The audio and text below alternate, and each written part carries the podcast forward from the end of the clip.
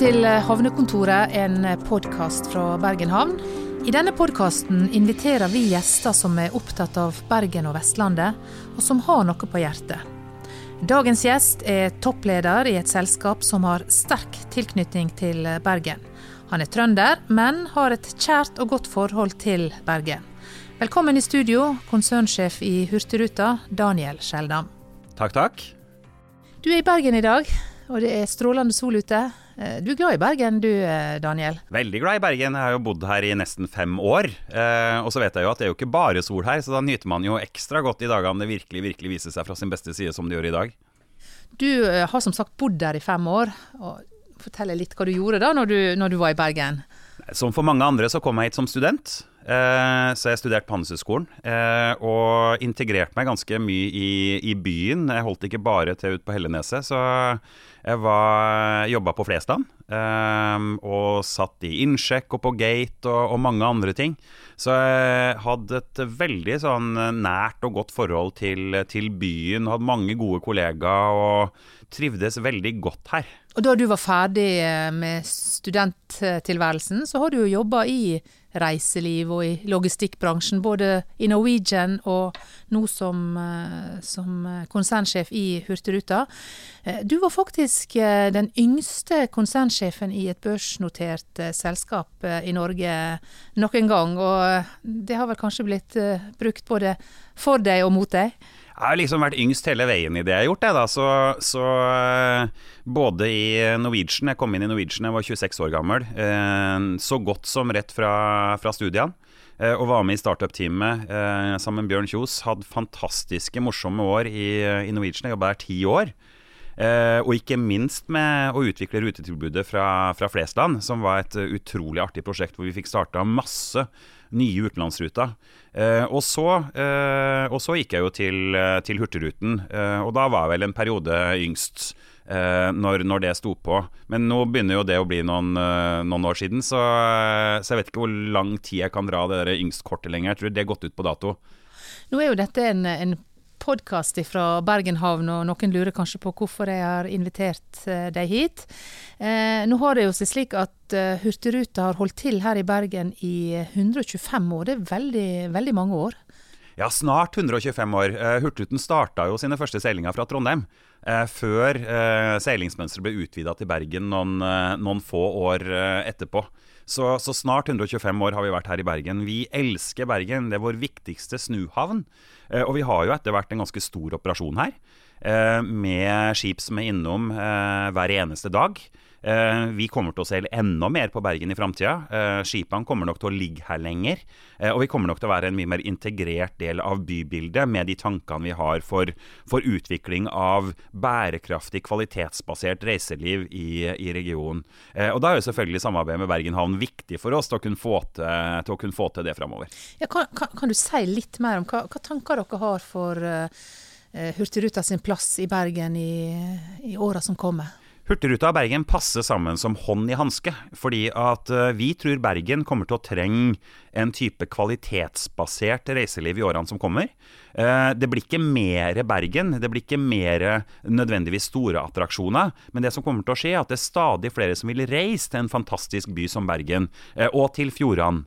Eh, og, og, da tror vi at den type gjest man ønsker seg, er jo den type gjest som bruker en god del tid her, og, og som legger igjen en god del penger i regionen. Det er jo den type gjester enhver reiselivsaktør ønsker seg. Mens, mens, det er klart at den kunden man kanskje ikke drømmer om, er den som legger igjen lite penger, ikke villig til å betale inngangsbillett billett, eh, ikke villig til å legge igjen litt eh, penger på god mat og drikke eh, når man er her. Den type gjester tror ikke vi det blir plass til nødvendigvis i så stor grad i, i framtidas reiseliv i, i, Norge. Og det er også en profil som vi i Hurtigruten har. Vi har norske lønns- og arbeidsbetingelser. Vi kjøper masse varer og tjenester langs hele norskekysten fra bedrifter med norske lønns- og arbeidsbetingelser. Og det er klart, Da må man legge opp til en profil hvor det er gjester som betaler for den type produkter man konsumerer. Er, hvem er den typiske hurtigrutereisende? historisk så har jo den typiske hurtigrutereisende hatt en høy snittalder.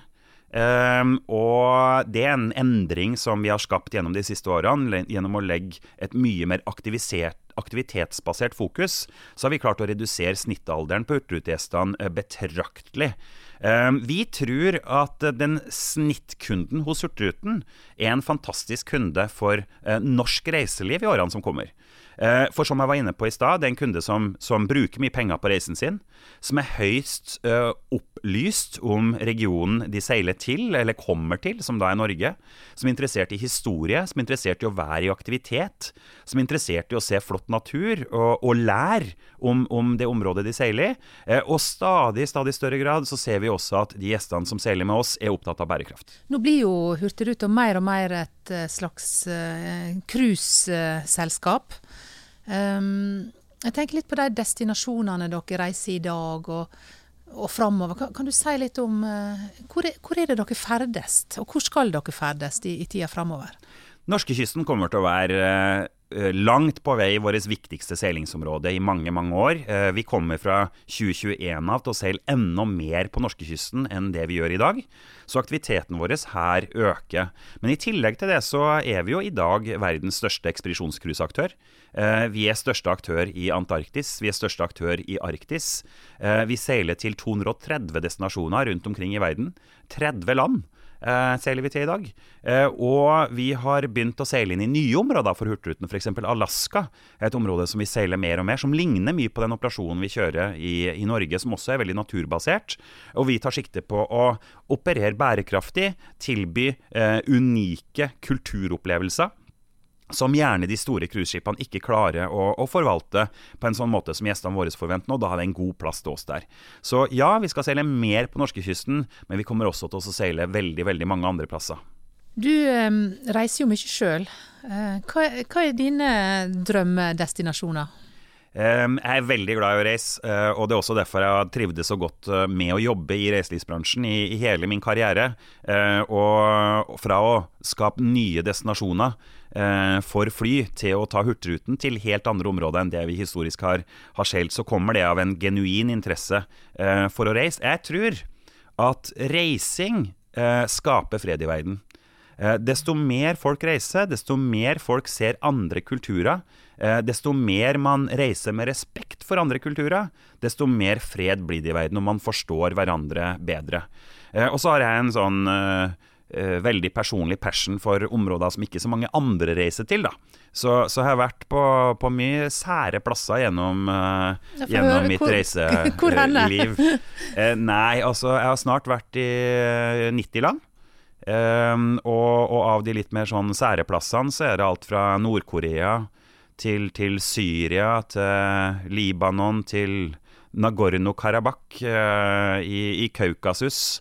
Uh, så, så, mange spennende, spennende plasser. Og, og min erfaring er at um, jeg holder meg nok i stor grad unna de store reiselivsdrømmene.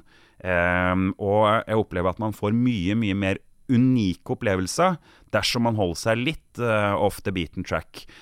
og det jeg har opplevd på mange av de plassene som fremstår for mange som til dels kanskje krigssoner, eh, er at det er jo veldig veldig trygt å reise der. Det er trygge, fine land så lenge man holder seg unna enkelte av de, de verste områdene. Og man får et, et møte med lokalbefolkninga i denne type land som kan være helt fantastisk. Et av de landene som reiste som mange på det tidspunktet syntes var en farlig, farlig plass, det var Iran. Jeg var der i 2011. Eh, jeg har aldri noen gang møtt et så vennlig innstilt folkeslag. Noen gang. De var oppriktig genuint opptatt av at du som gjest til landet skulle ha det så bra som overhodet mulig. Eh, og så kommer man hjem til Norge, og så sier alle 'hæ, Iran? Det må jo være farlig'. Eh, kanskje den tryggeste plassen jeg noen gang har vært. Men eh, tenker ikke du at med å promotere turisme i så stor grad, så er en med på å bygge opp under dette som også blir kalt for overturisme? Jeg tror veldig få av de plassene vi eh, opererer i dag, eh, har utfordringer med overturisme. Eh, men overturisme er noe som cruisebransjen i særdeleshet er nødt til å ta alvorlig. Eh, fordi med den trenden som har vært over mange år, å bygge større og større og større cruiseskip, eh, så skaper man eh, gjennom samtidighet av de her veldig store skipene eh, definitivt en overturisme. Har man to 5000-sengskip liggende eh, i en norsk by samtidig, eh, så slipper man inn altså opptil 10 000-15 000 gjester som dumpes inn på et, eh, et, lite område. Og det er klart det er ikke en bærekraftig måte å drive reiseliv på. Eh, så, så når man ser at selv byer som Barcelona Eh, Venezia, Dubrovnik, Bergen selvfølgelig, oppe på lista, begynne å fokusere på det her, så er det her et, et fenomen som kommer til å bli snakka mye, mye mer om i verden. Og alle de plassene her kommer til å være mer og mer opptatt av at det legges igjen penger lokalt, eh, som kommer til glede for de som også bor i byen. Eh, vi er veldig opptatt av at eh, en god plass å besøke skal også være en god plass å, å bo. Eh, så vi jobber mye opp mot eh, småsamfunn for å skape arbeidsplasser. For å skape helårs arbeidsplasser, for det hjelper ikke å komme bare på sommeren. Og vi jobber med å, på de mindre plassene vi seiler, enten det er Grønland eller Canada, på å på å legge opp samarbeidsprogrammer som gjør at våre gjester legger igjen penger eh, lokalt på de plassene her. Eh, så veldig veldig få av våre plasser er prega av overturisme, men så gjør vi også mye analyser for å unngå det. Når vi seiler på Svalbard f.eks., eh, så samarbeider vi med forskere eh, for å lage sårbarhetsanalyser av de områdene vi seiler i. Eh, sånn at vi ikke skal lage varige merker på de områdene. Vi samarbeider med andre ekspedisjonscruiseaktører, så det er bare ett skip i gangen på de plassene her. Eh, og vi måler impacten som vi har på, på området. Men det er klart at for, for et lokalsamfunn, la meg ta Longyearbyen som et eksempel, hvor det bor ca. 2000 fastboende. Hvis du da får et skip inn med 6000 gjester om bord, så sier det seg sjøl at det er ikke en tilfredsstillende opplevelse for de som bor der, eh, mens det skipet ligger til, til kai. Nå har jo Hurtigruta sammen med Havforskningsinstituttet og Akvariet i Bergen lansert store tanker for Dokken-området, som i dag er godshavn, men som eh, etter planen da skal flyttes til, til Ågotnes. Og hva, hva, er disse planene, kan du si litt mer om, om dem? Dokken er jo eh, forhåpentligvis noe av det beste som kommer til å skje Bergen de neste 30 årene i forhold til byutvikling. Eh, det er en fantastisk mulighet i å tilgjengeliggjøre det som i dag er et containerområde og et terminalområde eh, og et industriområde eh, til byens befolkning. Og skape et helt nytt bærekraftig byrom som lever godt sammen med havbasert aktivitet. Eh, og vi har gått sammen med Havforskningsinstituttet. Vi har også eh, hatt veldig god dialog med Akvariet. Eh, for, å, for, at vi skal kunne skape havbasert aktivitet som integrerer seg godt med byrommet. Um, og det er ambisjonen vår at vi kan gjøre på en liten del av, av det som kommer til å bli en byutvikling uh, i Dokken-området. Uh, da er vi som aktør villige til å ta commitments på at skipene som seiler inn og ut derfra, skal gå på batteri, ikke slippe ut noen ting. Um, vi ønsker at alt av varetransport til skipene skal være med elektriske uh, kjøretøy.